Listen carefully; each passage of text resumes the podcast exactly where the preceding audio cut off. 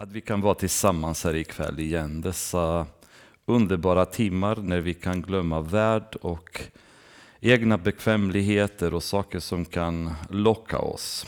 Och vi tar oss tid att kunna vara tillsammans och vara med dig, Fader.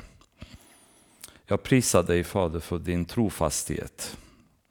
Jag prisar dig för din kärlek för oss som inte är villkorat utan den är evig.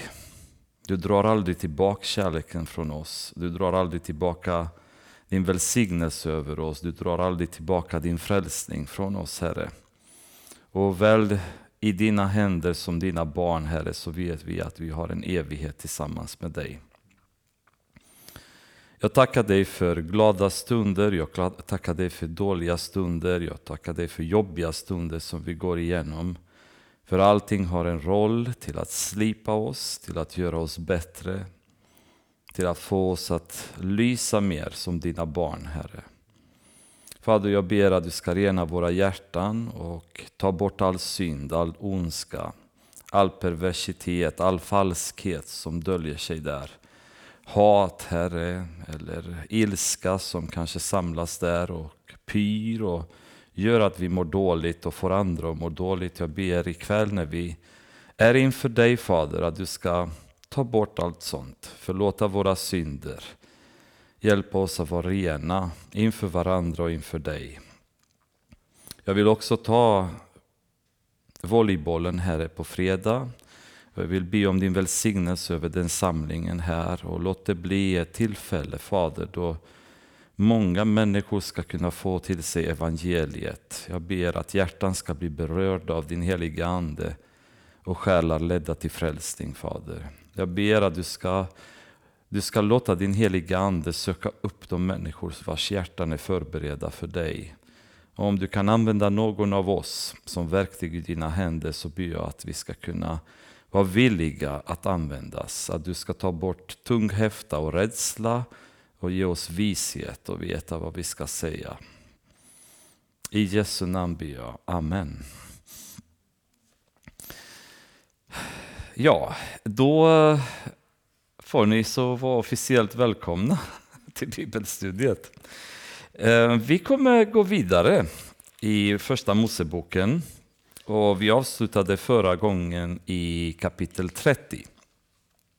Och ehm, avslutningsvis i kapitel 30 så vet vi att Jakob hade börjat känna en längtan över att återvända tillbaka hem. Eh, men han gjorde inte det direkt, utan han hade tillfälle då han, han började avla helt enkelt får och eh, djur som, som skulle bli hans flock, som han skulle ta med sig hem från Laban. De hade ingått en överenskommelse om att Jakob skulle få alla de spräckliga djuren och Laban skulle behålla alla de andra djuren. Och den här perioden varade cirka sex år då från att Jakob fick den här längtan till att återvända hem tills vi kommer till kapitel 31 nu. Kapitel 31 börjar med att säga att Jakob fick höra hur Labans söner sade Jakob har tagit allt vår far ägde. Han har skaffat sig allt den rikedomen av det som tillhör vår far. Jakob märkte också att Laban inte såg på honom med samma ögon som förut. Då sade Herren till Jakob, vänd tillbaka till dina fäders land och till din släkt, jag är med dig. Det kommer en tid i våra liv då Herren vill inte ha oss på samma plats eller i samma uppgift som vi tidigare haft. Och oftast när vi kommer vid de här tillfällena så är det en situation som kan upplevas mer eller mindre jobbig eller obekväm för oss. För att som människa så tycker vi oftast om att hamna i ett liv där vi finner en trygghet, en rutin, en stabilitet i det vi gör. Och när Herren vill få oss därifrån så talar han till oss i olika former och han försöker att, att få oss att förstå hans ord då och hans vilja kring våra liv. Och om vi tittar på Jakobs liv då så har Herren använt sig av tre olika sätt att tala till, till Jakob. Och det första är det vi brukar ofta säga inom kristenhet, att Herren har lagt det på vårt hjärta. Det är ett sånt här uttryck som vi använder oss av. Och det var redan hände för sex år sedan. Då Herren började lägga en längtan i Jakobs hjärta över att åka tillbaka hem. Eh, och det var ingenting som man gjorde omgående, men det var en känsla helt enkelt som kom in och förmodligen växte under den här perioden. Då. och de här känslorna är väldigt bra att lyssna på, eh, men de är också luriga att alltid ta för givet att det kommer från Herren. Eftersom känslolivet är väldigt um, upp och ner och det påverkas av så mycket. Så vi kan inte alltid med säkerhet säga att så fort vi har fått en känsla i vårt hjärta att det här kommer från Herren. Det är faktiskt väldigt eh, missbrukat till och med term numera när, när många säger att Herren, Herren har lagt det på mitt hjärta. Um, inte minst med tanke på att, att, att ibland när man hör vad Herren har lagt på deras hjärta så kan det bli rent av obibliska saker som Herren verkar ha lagt på deras hjärta. Så när, när Herren talar till mitt hjärta på ett sätt som går emot hans ord, då bör det vara en ganska tydlig signal för mig att då är inte Herren som talar, utan det är jag eller andra röster, vilka som skulle kunna vara. Men det blir lite svårare att bedöma när det kommer till saker som inte nödvändigtvis är svartvita enligt Bibeln. Till exempel, ska jag flytta från Stöpen till en annan stad, står inför ett beslut då, om man söker Herren. Och det är ju de tillfällena då vi oftast hoppas att Herren på ett tydligt sätt lägger det på vårt hjärta. Um, och det är ju väldigt bra vid de tillfällena att lyssna till Herren, att ha ett öra som hör Herren väldigt bra. Men problemet återigen med det, det är ju vårt hjärta. Jeremia i kapitel 17, vers 9 säger Bedrägliga, bedrägligare än allt annat är hjärtat. Det är obotligt sjukt. Vem kan förstå det?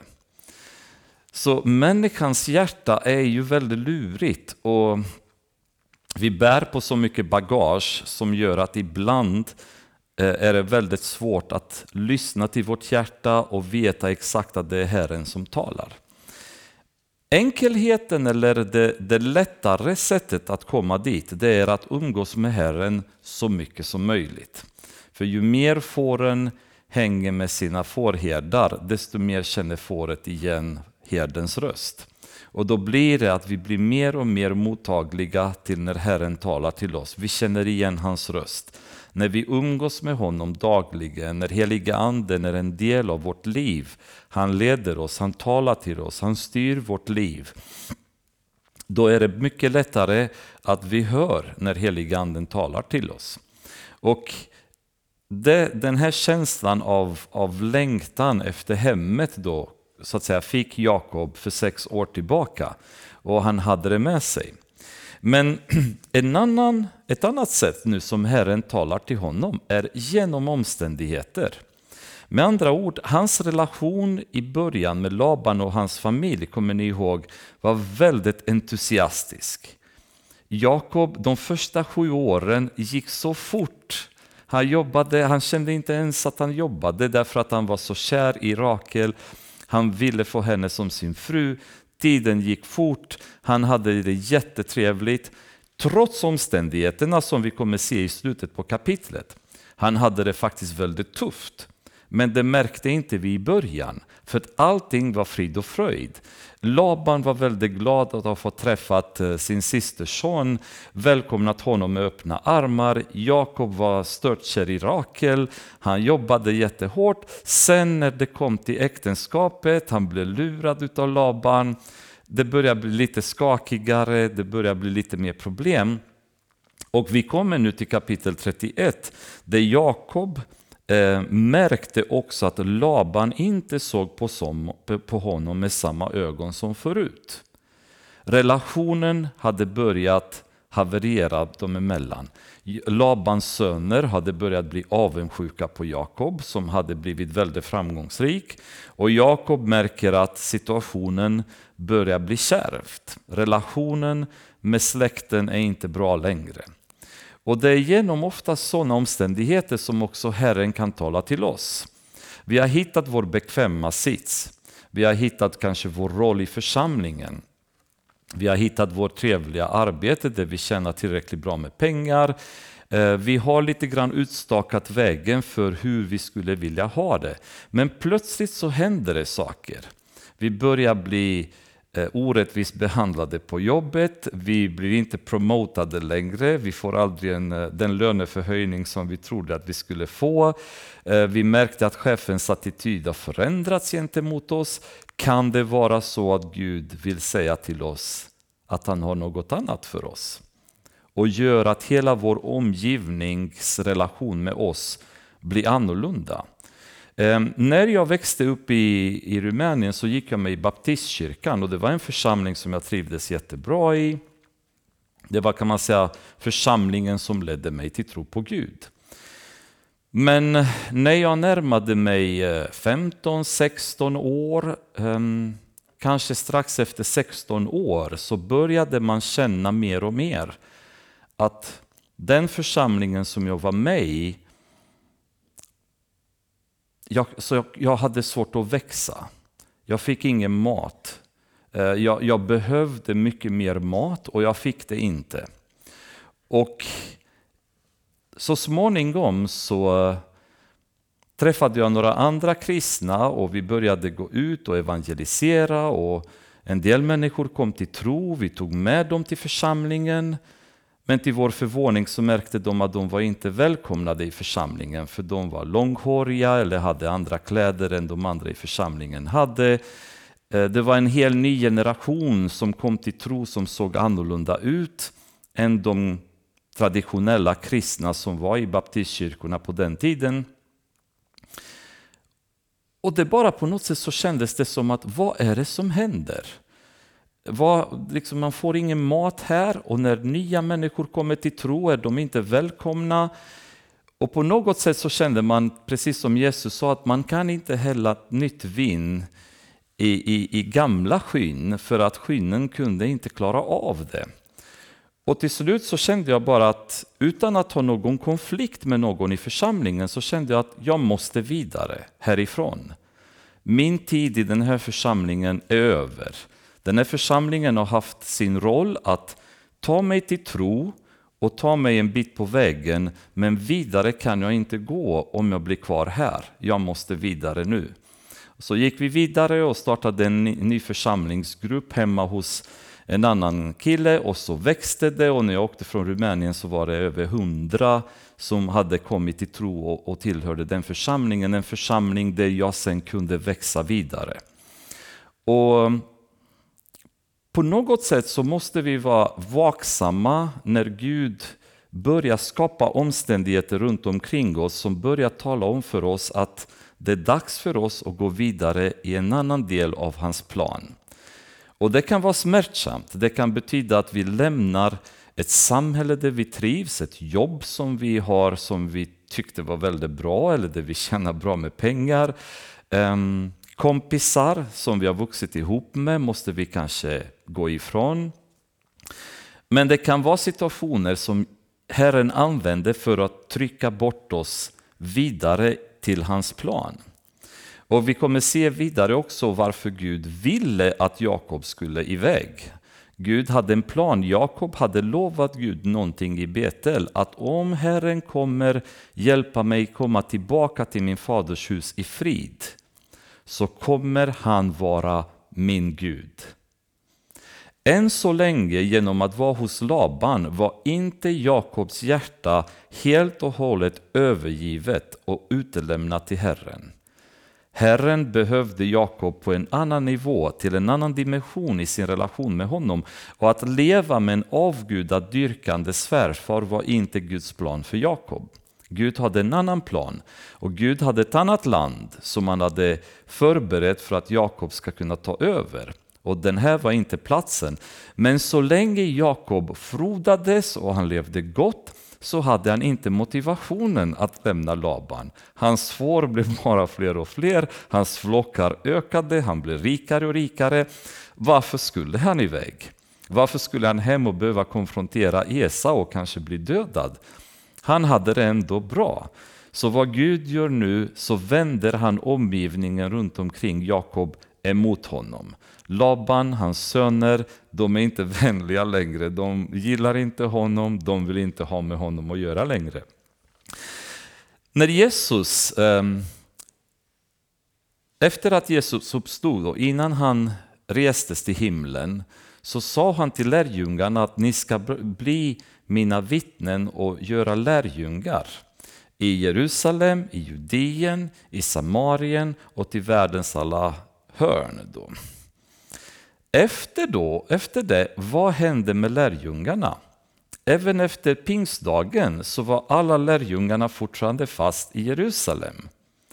De arbetade fortfarande där, de evangeliserade fortfarande i Jerusalem och Jesus sa, jag vill att ni ska ut. Jerusalem är bara första steget, sen vill jag att ni ska vidare. Och i Apostlagärningarna kapitel 8 så ser vi att efter att i kapitel eh, ja, 4, 5, 6 ser vi hur förföljelsen i Jerusalem intensifieras. Så vad händer då? Lärjungarna börjar fly förföljelsen. Och Filippus drar ner till Samaria, vilket var ställen där ingen jude gärna satte sin fot i. Men vad ska man göra? Det är förföljelse, man flyr det man kan, han kommer till Samaria och en stor väckelse startar i Samaria. Gud hade människor vars hjärtan var beredda att ta emot evangeliet. Han behöver få ut lärjungarna ur Jerusalem, men de var fortfarande i Jerusalem. Och då bryter ut en våldsam förföljelse som stärker församlingen och dessutom får ut dem över hela området. Sen kommer Paulus som decimerar kristna som bara den och de sprider sig långt bortom Samarien, bortåt norra Turkiet och Cypern och Grekland och på alla möjliga ställen för att komma undan förföljelsen. Och vad händer då? Att det blir kyrkor i Antiochia, det blir kyrkor i Cypern, det blir kyrkor i Galatien och så vidare. Så Herren rubbade den bekvämlighet i vilken de kristna kanske hade funnit sig. Det var väckelse i Jerusalem, kom, folk kom i tusentals till tro. Och det var kanske den här känslan som Petrus hade på berget när han sa till Jesus, ska inte vi bygga några, några, några så att säga, stugor här? Eller, eh, vi, vi stannar här för det är så gött. Liksom. Ehm, och, och det, det, är den känslan vi får ibland. Vi har funnit oss till rätta, det fungerar. Och jag kommer ihåg en, eh, en av mina vänner i Rumänien som kom från en kyrka i södra Kalifornien. Deras pastor Danny Bond som har varit väldigt um, viktig för mig i mitt kristna liv och lyssnat väldigt mycket på hans predikningar. Men han sa um, ett, en gång på en gudstjänst att han tittade över församlingen och sa Jag känner igen nästan alla som är här i kyrkan. Vad gör ni fortfarande här? Alltså ni har varit här i så många år, ni har lyssnat på bibelstudier, ni har lyssnat på gudstjänster. Varför är inte ni ute och evangeliserar? Starta era egna församlingar, starta bibelstudier i era hem. Gå och jobba för Herren. Kom inte bara hit dag efter dag i bekvämlighet och lyssna på mig. För då har vi misslyckats med det vi gör. Poängen är att ni ska ut. Ni ska inte bara vara här och känna er bekväma, ni måste ut, ni måste känna Herren där ute. Och det var lite intressant sätt att se på det, att ni har varit här för länge. Liksom. Jag har känt er, det är så många år sedan jag har sett samma ansikten här i kyrkan. Det är dags att ni lämnar. Medan i andra kyrkor så vill man gärna behålla sina medlemmar. Han ville få ut dem. Liksom. Gå och starta egna församlingar. Ni, ni slösar bort min tid ungefär, var, var hans inställning. Men det, det är intressant hur Herren nyttjar de här omständigheterna. Och vi ibland kan reagera väldigt obekväma inför det. Men Herren har sin plan. Och likaså, om ni kommer ihåg, också i Apostlagärningarna kapitel 27, När Paulus är på väg till Rom med skeppet då står de i valet och kvalet på Kreta om de skulle vidare eller inte. Och Paulus säger till kaptenen att ni ska inte vidare för det kommer gå illa. Men alla var överens om att nej, men det är inte så farligt, vi måste härifrån innan vinterstormarna kommer.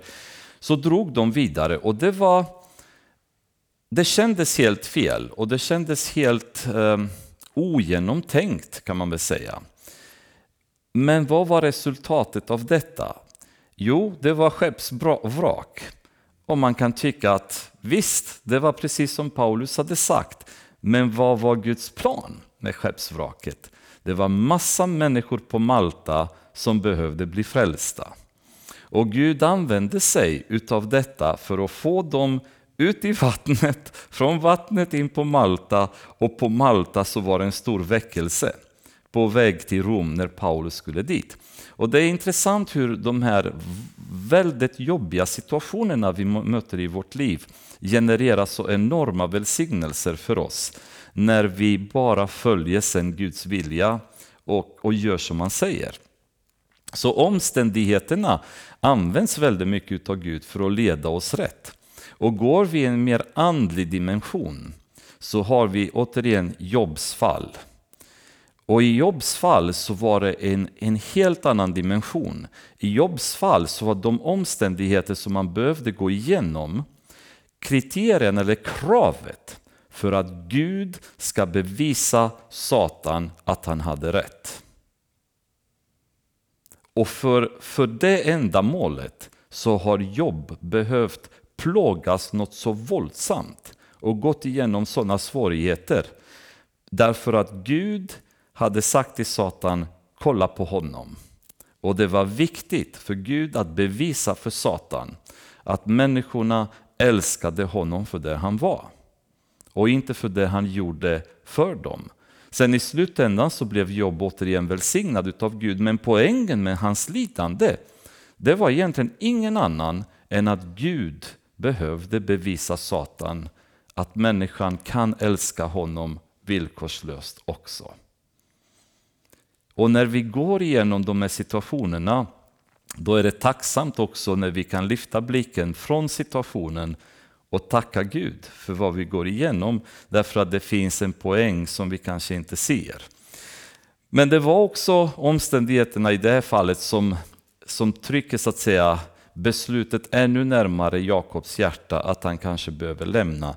Och i slutändan, det tredje sättet och det som är alltid det trevligaste om vi kan höra, när Herren talar direkt till Jakob och säger vänd tillbaka till dina fäders land och till din släkt. Jag är med dig.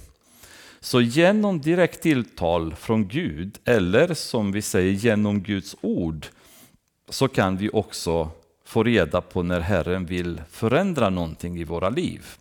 Och det är ju det är i ordet som vi som kristna nu som har det kompletta ordet permanent får ledning ifrån. Och det finns så åtskilliga exempel med väldigt många som berättar hur de har stått inför svåra beslut, har öppnat ordet, läst och ordet har bara direkt talat till dem.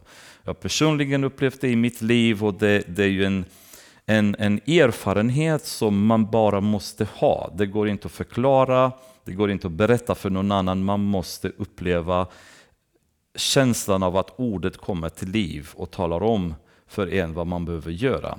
Och ordets betydelse är den som får oss i, i, så att säga, i aktiviteter, i, i action. I Daniel kapitel 9, ni kommer ihåg den fantastiska profetian om Jesu tillkommelse, en av de häftigaste profetiorna i hela Bibeln när det gäller hur exakt det är beskrivet. Men det vi oftast glömmer bort är vad hände innan det där tillfället. När Daniel säger att han öppnade profeten Jeremias bok och började fördjupa sig i den och då talade om det för honom. Att det var dags för, för judarna att lämna Babylon. Och då gick han på knäna, började be och söka Gud och får en av de häftigaste profetierna som vi har i Bibeln eh, idag. Men han, han såg ordet, han, för, han sjönk i ordet, ordet talade till honom och han började agera efter det som ordet hade sagt. Och det, det är där vi är nu. Så Jakob har haft en känsla i sitt hjärta, han har haft omständigheterna nu som har börjat pyra runt omkring. Det blir inte bra längre, relationerna är ruttna helt enkelt med släkten. Jag måste säga att Alltså att ha en svärfar som Laban är jag tacksam att jag inte har. Liksom. Vi kommer se ännu längre bort hur han har behandlat Jakob och hur värdelös han har varit gentemot honom då. Men eh, situationen är ganska rutten nu helt enkelt. Så eh, det, det, är dags nu för Herren att tala om för, för Jakob vad han ville göra. Det som är intressant också dock är att om vi tittar genom Jakobs liv, en del av det vi redan har sett, men sen också det vi kommer se senare, det är att vid viktiga tillfällen i hans liv, när han står vid, vid en korsning, när han står inför en, en stor förändring eller ett stort beslut, Gud talar till honom. Gud möter honom vid de tillfällena. När han var på flykt hemifrån och var bedrövad, och vi, vi kommer se att han säger själv att han hade bara staven i sin hand. Det är allt han hade när han flydde hemifrån. Och ligger och sover i öknen, då möter Herren honom och talar om för honom att han kommer skydda honom, han kommer föröka honom och så vidare. Det ger honom styrka att gå vidare. Gud talar till honom när det är dags nu att lämna Laban och hans släkt. Det är ett stort beslut. Det är 20 år nu som har gått som han har bott där. Han har familj, han har barn, han har slavinor, han har tjänare, han har hur mycket djur som helst. Det är inte bara att packa ihop och dra. Det är ett enormt företag för honom att få igång. Och Herren nu talar till honom och försäkrar honom ännu en gång att jag är med dig. Så du kan lita på det här. Var inte rädd, jag är med dig. Senare, när, innan han ska träffa Esau, återigen en väldigt svår situation. Han är osäker hur det kommer ske. Kommer Esau fortfarande vilja döda honom? Herren möter honom igen och ger honom ett av de häftigaste löftena och ett nytt namn för att kunna garantera för honom att det kommer gå bra för honom. Senare när han besöker Betlehem kommer vi se hur Herren återigen möter honom och talar till honom och inte minst sen innan flykten till Egypten. Så vid stora händelser i hans liv så har Herren inte lämnat Jakob förvirrad. Och det, det tror jag att vi inte alltid förstår. Att Gud vill aldrig att vi som är hans barn ska leva i förvirring. Vi tror att han döljer sitt ansikte ifrån oss, han talar inte till oss. Eh, vi vet inte vad hans vilja är. Varför ropar inte Gud högre så att vi kan höra? Vi vet inte hur mycket Gud har talat med Jakob emellan de här händelserna. Det kanske har gått 20 år utan att Jakob har direkt hört från Herren. Eller tio år eller fem år vid olika tillfällen. Vi har ingen aning. Men det vi kan lita på det är att vid de viktiga besluten i våra liv så kommer inte Herren vara tyst. Han kommer leda oss, han kommer guida oss, han kommer hjälpa oss. För vi tror på något sätt att Herren har någon slags glädje i att plåga oss med obeslutsamhet. Och att han på något sätt tittar på oss och ser, titta vad förvirrade de är, det förtjänar de. Och då känner inte vi vår far om vi tror att han har den här inställningen. Herrens inställning är kärleksfull. Han vill oss väl. Han vill leda oss. Han vill att vi ska vara trygga. Han vill att vi ska vara säkra. Han vill att vi ska vara välsignade. Han vill att vi ska ha det gott. Så när vi kommer inför de här situationerna då vi behöver höra Herren, då får vi lita på att vi kommer att höra honom. Och jag behöver inte oroa mig idag kring huruvida jag kommer höra honom om tio år. När jag kommer vid den situationen om tio år, då jag måste höra honom, då kommer jag höra honom. Och emellan så har vi dagliga dialogen som sköts med Herren och det är via hans ord. Då han talar till oss hela tiden och vi talar till honom i bön. Men de stora besluten, de stora situationerna i våra liv, då är Herren med. Och vi pratade tidigare bland annat om vikten av att hitta en partner som efter Herrens vilja. Tro inte att Herren vill att ni ska gifta er med en värdelös person, med en loser liksom. Så sök Herren i det beslutet så kommer han leda er rätt. Liksom. Eh, om jag behöver byta jobb eller ta en tjänst i församlingen, om jag sitter och tänker, ah, ska jag vara med i den tjänsten, ska jag inte vara med i den tjänsten? Söker jag Herren så kommer Herren säga ja eller nej. Garanterat. Han vill inte hålla mig förvirrad inför det beslutet. Utan är det hans vilja så vill han göra det klart för mig, för då vet jag att då kan jag vara stark i den tjänsten. Jag vet att jag är på rätt plats där Herren har satt mig. Så det är väldigt spännande sen när vi kommer följa. Och det kan dröja många år mellan att vi hör stora tilltal från Herren och gör vi inte det, då betyder det förmodligen att vi inte funnit oss i sådana kritiska situationer då Gud på ett dramatiskt sätt har behövt tala till oss. Utan då har vi bara dagliga dialogen med Gud i bön och bibelläsning. Men han kommer tala till oss när vi behöver honom. I psalm 23, vers 3, eh, som vi känner den psalmen nästan utan till det är härligt om ni tänker på vad David säger. Han ger liv åt min själ. Han leder mig på rätta vägar. Varför? För sitt namns skull.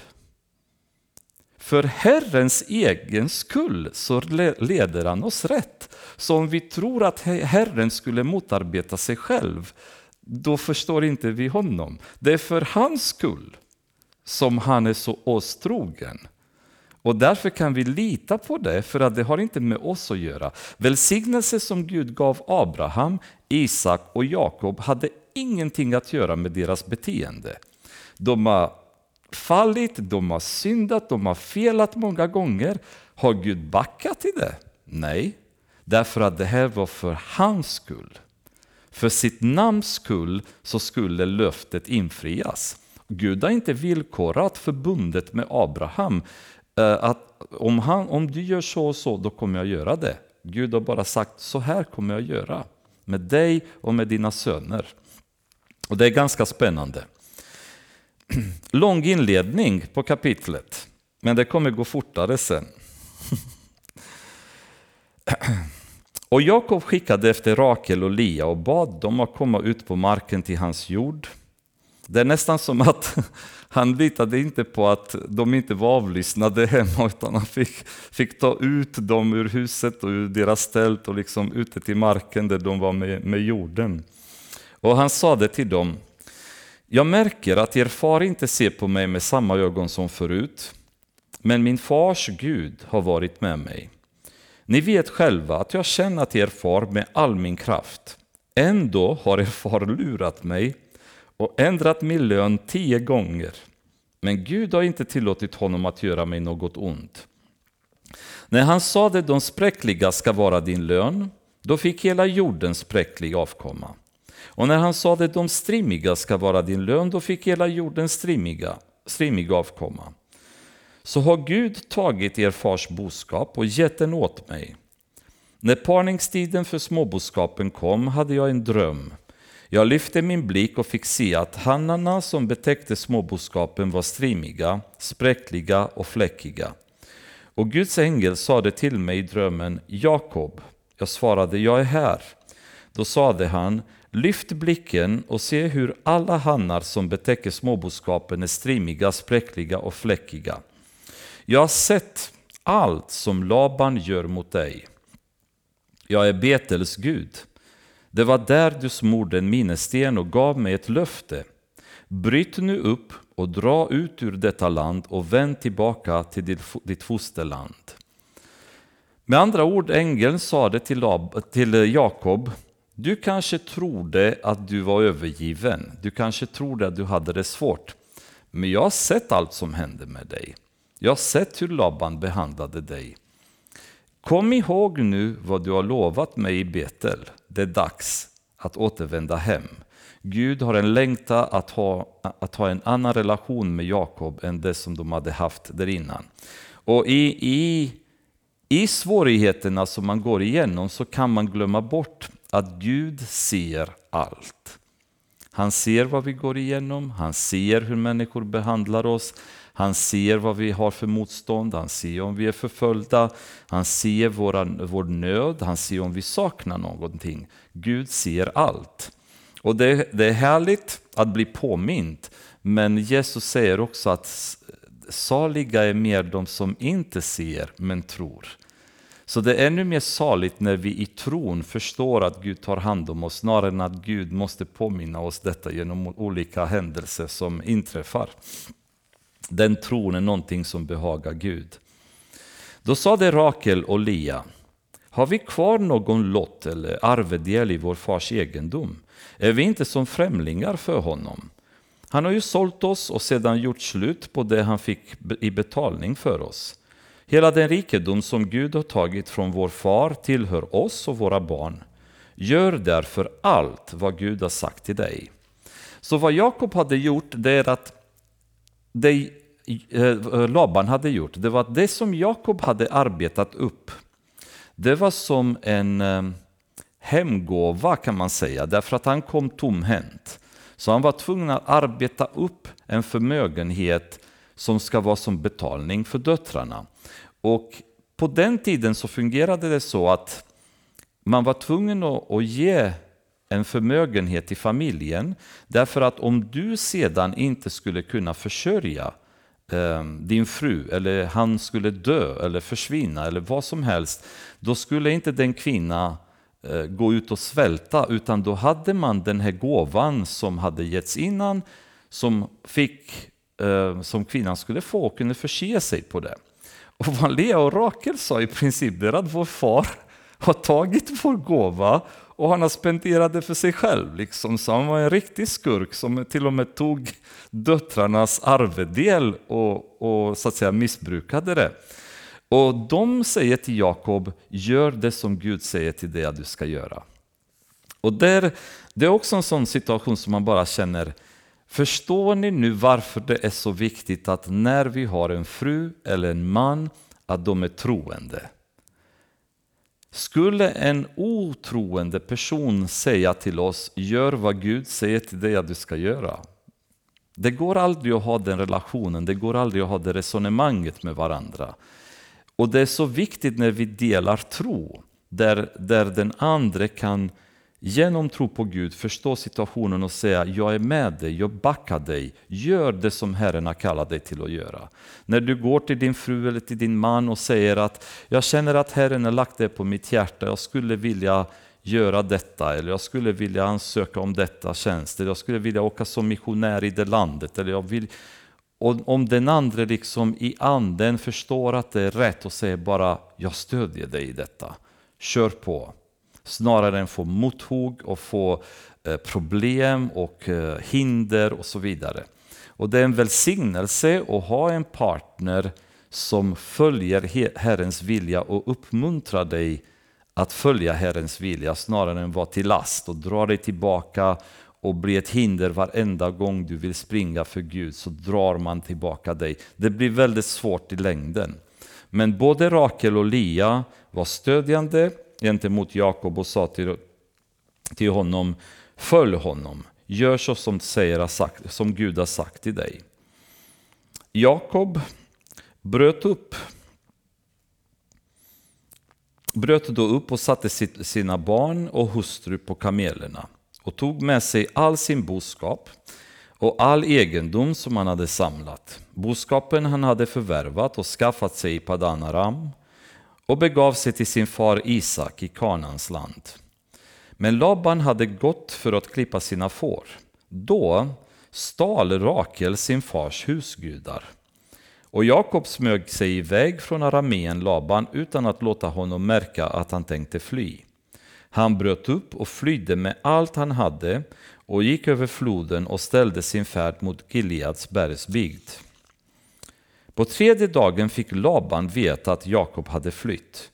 Då tog han med sig sina bröder och satte efter honom och efter sju dagar hann han upp honom i Gileads bergsbygd. Men Gud kom till arameen Laban i en dröm om natten och sade till honom Akta dig för att säga något mot Jakob, gott eller ont. När Jakob flydde, då var han rädd. Han kommer säga det själv lite senare, att han skulle få problem och därför så stack han utan att säga någonting till Laban. Och den rädslan så att säga drev honom till flykt. Och när, när vi befinner oss i situationer då vi är rädda för våra omständigheter, vi är rädda för det vi behöver möta framför oss. Vi vet inte vad som händer på andra sidan. Eller hur? Vi har ingen aning. Vi bara ser det från vår, vår synpunkt eller från vårt perspektiv och vi ser mörka moln samlas mot oss. Och vi blir rädda. Men vi vet inte hur Herren agerar på andra sidan. Hur han talar till de människor som är emot oss, hur han talar till de som förföljer oss, eh, hur han talar till de som vill vara orättvisa mot oss. Vi utgår bara ifrån att de är onda, de är elaka, de vill oss illa, de är ute efter oss. Men vi vet inte hur arbetar Herren på andra sidan. Och, och, den här vetskapen av att Gud har allting under kontroll är det som bör hjälpa oss att känna oss lugna även i stormen. För Jakob var rädd och han flydde för livet. Men samtidigt som detta försiggick så talar Gud till Laban och säger var försiktig.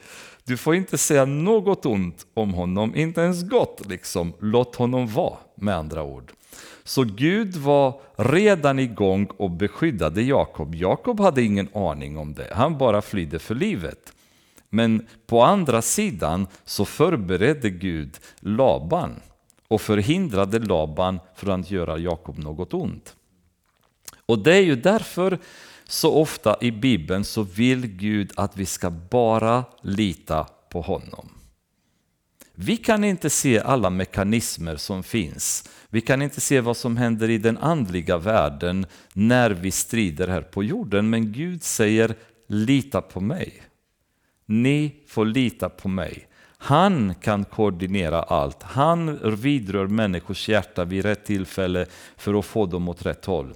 Och Det finns åtskilliga berättelser om detta, men ni kommer ihåg, jag gav den berättelsen, men jag tyckte bara att den är så bra så jag behöver upprepa den. När Patton åkte som missionär i Hebriderna och hans fru och barn dog i princip dagar eller om det var veckor efter de hade kommit i land. Det bodde kannibaler där på öarna. Så helt bruten så begraver han sina, sin familj där och eh, han sov på deras, eller la sig på deras gravar i flera dagar utav rädsla att kannibalerna skulle gräva upp dem och äta upp dem. Och många år därefter då så kommer väldigt många till tro på ön, inklusive hövdingen. Och eh, en dag när de pratade med varandra då så, så frågade Patton dem varför de inte har försökt att döda honom helt enkelt också. Ehm, och då svarade eh, han som var eh, hövdingen att eh, de ville nog alltid göra det och i flera nätter så har de begett sig mot hans hus för att döda honom. Men det gick inte därför att hans hus, hans hus var omringat av en massa män. Och han frågade honom, vilka var de männen som hela tiden omringade ditt hus på kvällarna? Han bara sa, jag var ju ensam. Nej, det var väldigt många män som hela tiden vaktade ditt hus. Nej, jag var ensam, säger han. Liksom. Och då förstod han vad som hade hänt. När han låg och skakade av rädsla och var bruten och förstörd så hade Gud skickat änglar och omringade hela området och höll kannibalerna borta. Han visste inte det. Men Gud säger lita på mig. Och han gör det på så många olika sätt.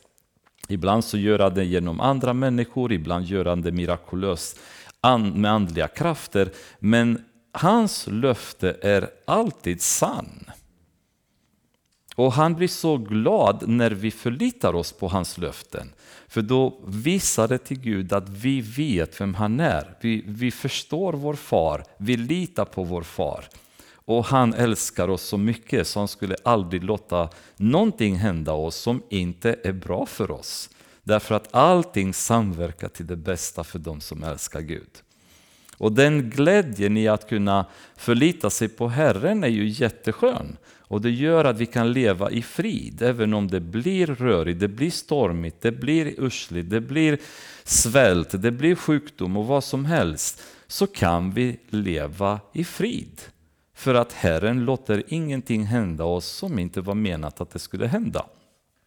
Och medan Jakob var rädd så bearbetade Gud Laban redan på andra sidan och i princip förbjöd honom att röra Jakob på något sätt. Och det är så härligt också, som jag känner i Jakobs fall så hade han hört tilltal från Gud. Men också innan de flydde, det är så skönt också den här, det här rådet, alltså diskussionen med hans fruar. Att kunna känna att även om jag hört Guds tilltal så det är ändå så härligt se att kunna komma till församlingen, sitta med andra kristna och säga det här är vad jag känt från Herren, hur ska vi göra? Och, och, få på något sätt stödet från varandra som i anden kan vara att uppmuntra varandra till att göra Herrens vilja. Så vi behöver våra familjer, vi behöver vår församling till stöd. Det är därför det är så svårt när människor avlägsnar sig från församlingen och lever bara för sig själva, för vi behöver omgivningens visa råd ibland för att kunna cementera de beslut som vi på något sätt har känt att Herren vill att vi ska ta. Och detta i koordination som sagt med att Herren verkar på sitt håll då, ehm, med Laban. När Laban hann upp Jakob hade denne slagit läge på berget och Laban och hans män slog läge på Gileads berg. Då sade Laban till Jakob, vad har du gjort? Du smög dig iväg från mig och förde bort mina döttrar likt fångar tagna med svärd.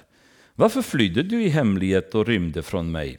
När du inte lät mig veta något kunde jag inte sända iväg dig med jubel och sång, med tamburin och harpa, alltså vilken lurendrejare som att ja, men jag hade gärna velat släppa iväg dig men det ska vara med lite fest och vi dricker och äter och har det trevligt. Ja, ja säkert liksom.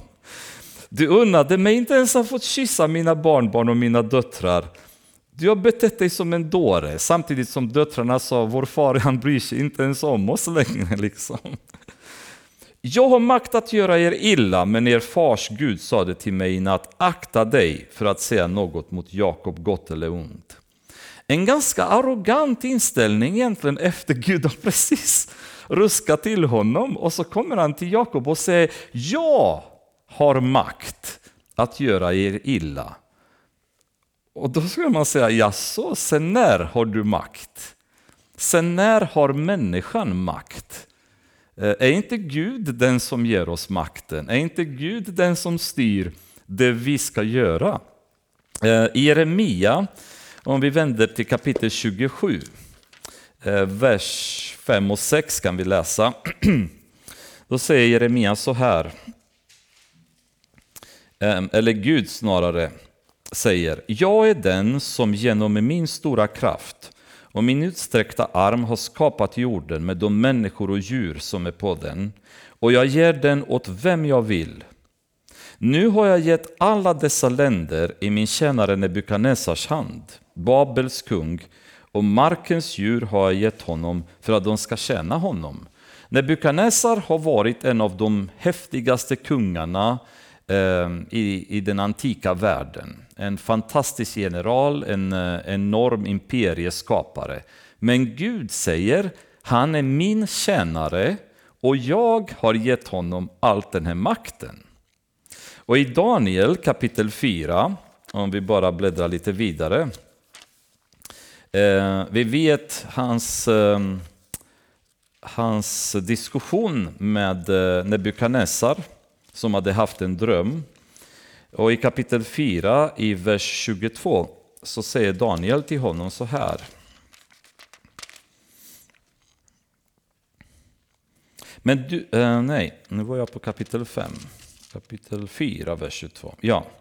Du ska bli utstött från människorna och bo bland markens djur och äta gräs som en oxe och fuktas av himlens dag. Sju tider ska gå fram över dig tills du har insett att den högste råder över människors riken och ger dem åt vem han vill. Detta för att Nebukadnessar hade fått för sig att det är jag som har gjort allt det här när han har promenerat på sin palats och så, så, så allt, sett allt det vackra som han hade skapat. Och trots att Daniel tidigare hade varnat honom att Gud, eh, eh han gillar inte det du håller på med, men ett år senare, istället för att omvända sig och ångra sina synder, så står Nebukadnessar och säger men jag har gjort allt det här och han är så stolt över. Och då säger Daniel, det blir slut på dig Nebukadnessar tills du kommer förstå vad Gud har gjort. Och i vers 31 och 32 då säger Nebukadnessar denna gång när den tiden hade gått lyfte jag, Nebukadnessar, min blick till himlen och fick tillbaka mitt förstånd. Då lovade jag den högste och prisade och ärade honom som lever i evighet. Hans välde är ett evigt välde, hans rike varar från släkte till släkte. Alla som bor på jorden räknas för ingenting. Han gör vad han vill med himlens här och med dem som bor på jorden. Ingen kan stå emot hans hand eller säga till honom, vad är det du gör? Genom att bryta ner honom så fick Nebukadnessar förstå att det är Gud som ger all makt. Du har ingen makt, du är ingenting. Allting du är beror på att Gud har tillåtit dig att vara det. Om vi går vidare till Jesus ehm, tillfälle när han möter Pilatus i Johannes kapitel 19. Eh, om det hade på något sätt fortfarande varit oklart vem, vem som ger makt åt vem, då gör det Jesus väldigt klart för oss. I kapitel 19, vers 10 och 11. Pilatus sade till honom, talar du inte med mig? Vet, inte, vet du inte att jag har makt att frige dig och makt att korsfästa dig? Jesus svarade, du skulle inte ha någon makt alls över mig om du inte hade fått det från ovan. Därför har den som utlämnat mig åt dig större skuld. Du skulle inte ha någon makt om inte Gud hade gett dig den här makten, så tro inte att du har makten.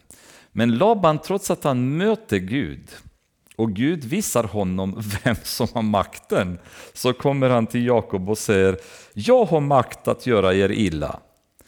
Men er fars Gud, det vill säga inte min Gud, er fars Gud, för han är en avgudadyrkare, sade till mig innan att akta dig för att säga något mot Jakob, gott eller ont. Nu gav du dig iväg för att du längtade hem så mycket, men varför stal du mina gudar?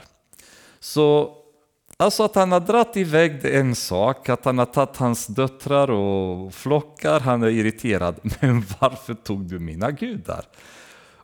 Och jag skulle nog säga att om du, om du känner några gudar som, som inte klarar sig själva utan kan bli bara stulna utan vem som helst. Du kanske bör byta gud liksom. Han är helt desperat att hans, hans gudar är borta, så vad ska jag göra nu utan mina gudar? Bara, men då kanske ska du göra dig av med dem förstås, för de är värdelösa. Men varför stal du mina gudar? Jakob svarade Laban, jag var rädd för dig, för jag tänkte att du skulle ta dina döttrar från mig med våld. Men den som du hittar dina gudar hos ska inte få leva. Här, inför våra släktingar, får du se efter om jag har något hos mig som är ditt och i så fall ta det. Jakob visste inte att Rakel hade stulit dem. Laban gick då in i Jakobs tält och sedan in i Lias tält och de båda slavinornas tält, men han fann inget. När han hade kommit ut ur Lias tält gick han in till Rakels tält. Men Rakel hade tagit husgudarna och lagt dem i kamelsadeln och satt sig på dem. Laban sökte igenom hela tältet utan att finna dem. Hon sade till sin far, bli inte arg på mig, herre, för att jag inte kan resa mig för dig. Jag har det som kvinnor brukar ha. Så sökte han efter husgudarna, men kunde inte finna dem. Jakob blev arg och kom i gräl med Laban och sade till honom, vad är mitt brott och vad är min synd eftersom du förföljer mig så våldsamt? Nu har du letat igenom allt jag äger. Vad har du hunnit, funnit som tillhör dig? Lägg fram det inför både mina och dina släktingar här, så att de får döma mellan oss båda. Och här kommer det, vad Jakob egentligen har fått stå ut i alla år med. I 20 år har jag varit hos dig. Dina tackor och getter har inte fått missfall och jag har inte ätit av baggarna i din jord. Jag kommer aldrig med något ihjälrivet djur till dig. Jag var tvungen att ersätta det själv. Du krävde ersättning av mig för det stulna, antingen det stulits på dagen eller på natten. Så hade jag det. Om dagen plågades jag av hetta och om natten av köld och sömnen flydde ifrån mig. I 20 år har jag varit hos dig. Jag har tjänat dig i 14 år för dina båda döttrar och i sex år för din boskap. Men du har ändrat min lön tio gånger. Hade inte min fars Gud varit med mig, Abrahams Gud, som även Isak vördar, så hade du säkert låtit mig gå med tomma händer. Men Gud såg mitt lidande och min möda och han fällde domen i natt. De här 20 åren, med andra ord, var ingen dans på rosor för Jakob. Och han levde i ett hem som var ett väldigt välstående och välmående hem tidigare. Men synden och hans, hans bedrägliga beteende gentemot hans far och bror ledde honom till att i 20 år leva under de här villkoren då man hade det jätte, jättetufft. Och han säger du har, du har missbrukat relationen med mig, du har inte betalat mig som du skulle, jag har levt i kyla, jag har levt i, i, i värme, jag har inte kunnat sova, jag har varit tvungen att ersätta för allting som var ihjälrivet eller stulet, orättvist behandlat och lurad med att gifta sig med fel person och så vidare. Och det är ändå så att Gud fortfarande bryr sig om Jakob. Han fortfarande älskar honom, han fortfarande vill, löfte, vill få, eh, så att säga, få löftet att, att eh, infrias genom Jakob. Men synden har också konsekvenser. Han har fått lida i 20 år för det beteendet som han hade haft innan. En tid då Gud behöver förvandla hans karaktär. Vid det här laget är Jakob ungefär 97 år gammal. Så det är en, en gammal man då som har levt i väldigt tuffa förhållanden de senaste 20 åren av sitt liv. Och han hade det väldigt bra hemma. Men synden gjorde att han hamnade i det här läget.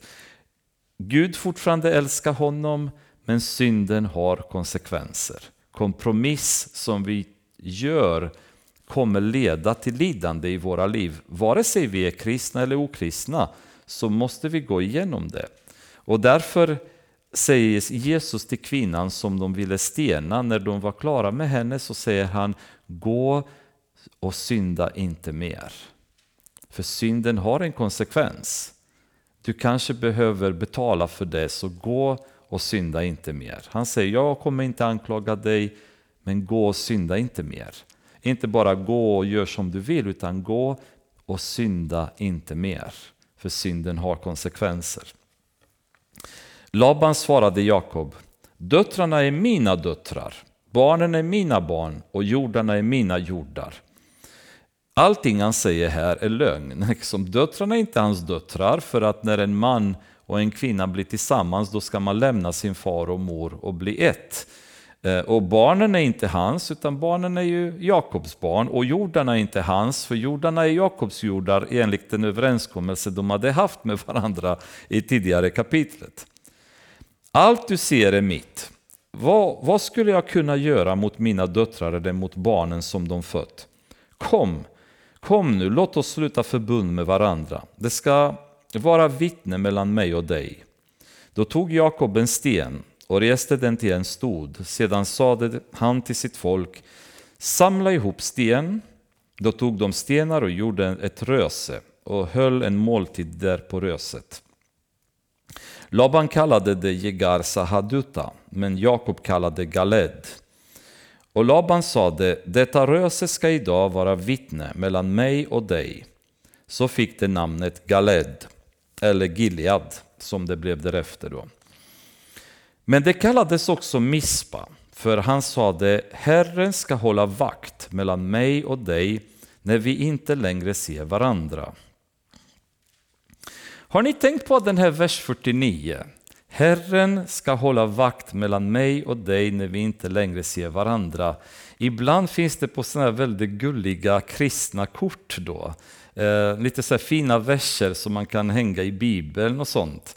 Eh, väldigt vanligt. Jag hade faktiskt till och med en sån när jag var i Rumänien. Här, jag tyckte det var så fint. Herren ska hålla vakt. Men det, det här är inget romantiskt. Det här är ju faktiskt en slags här drar vi gränsen. Om du passerar, liksom, då får Herren vara vittne och se dig. Om jag passerar, då får han vittne och se mig. Det vill säga, han får hålla oss ifrån varandra då.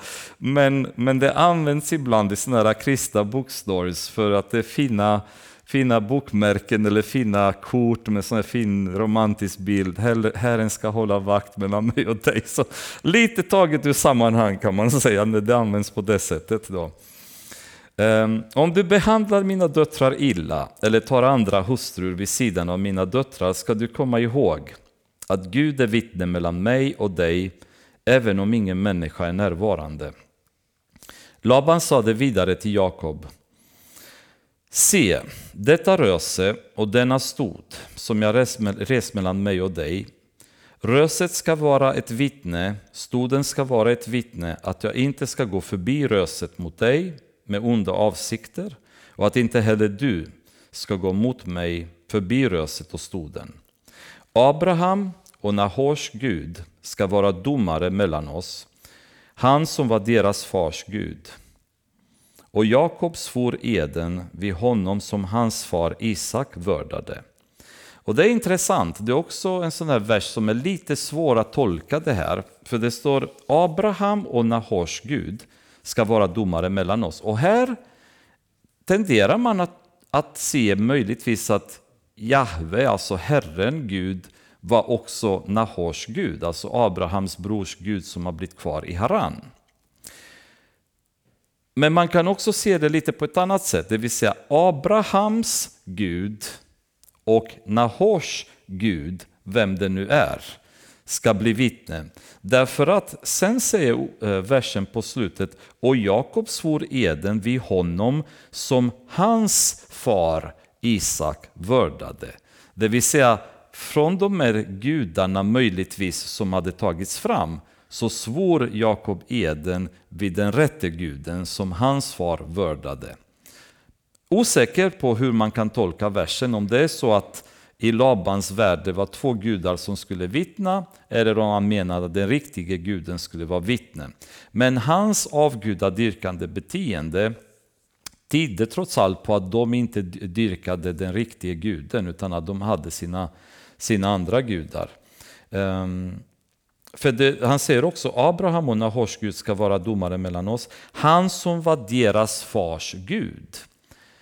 Ehm, deras far vet vi Tera att han var en avgudadyrkare. Det säger Josua sen när han, eh, han pratar med folket. Så ehm, det är möjligt att han menar att det var någon annan babylonisk gud som de dyrkade som skulle vara där. Men det är bara som kuriosa, jag vet inte hur viktigt det är att avgöra huruvida Laban var troende eller inte, men vi vet att han var avgudadyrkare vid det här laget i alla fall. Sedan offrade Jakob slaktoffer på berget och bjöd in sina släktingar till en måltid. De åt och stannade på berget över natten. På morgonen steg Laban upp tidigt. Och när han hade kysst sina barnbarn och sina döttrar och välsignat dem gav han sig iväg och återvände hem. Och där avslutar vi för idag. Och... Eh, om inte ni alla ska fira mors dag nästa vecka så ses vi nästa söndag på bibelstudiet och går i kapitel 32 kanske lite vidare. Fader, vi tackar dig för ditt ord ikväll och för den visshet som alltid finns begravd där. Jag ber Herre att du ska låta varje ord röra vid, vid våra hjärtan.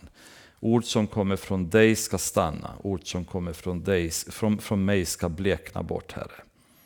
Jag ber att du ska leda oss inför beslut som vi behöver ta inför våra liv i denna veckan, veckorna som kommer och stora beslut som vi väntar på att ta framöver, Herre. Jag ber att du ska hjälpa oss att ta en dag i taget, Herre, och uppfylla din plan och din vilja i den dag vi befinner oss.